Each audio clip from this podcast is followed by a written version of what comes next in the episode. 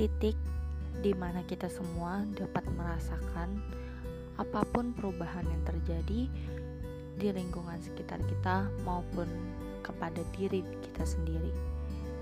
Kita selalu bertanya-tanya mengapa semua terjadi dalam sekejap saja dan kembali kepada titik semula. Welcome.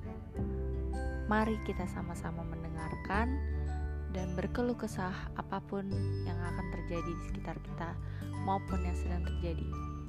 Karena apa? Pelajaran dari masa lalu akan berpijak pada kita untuk perubahan di masa yang akan datang.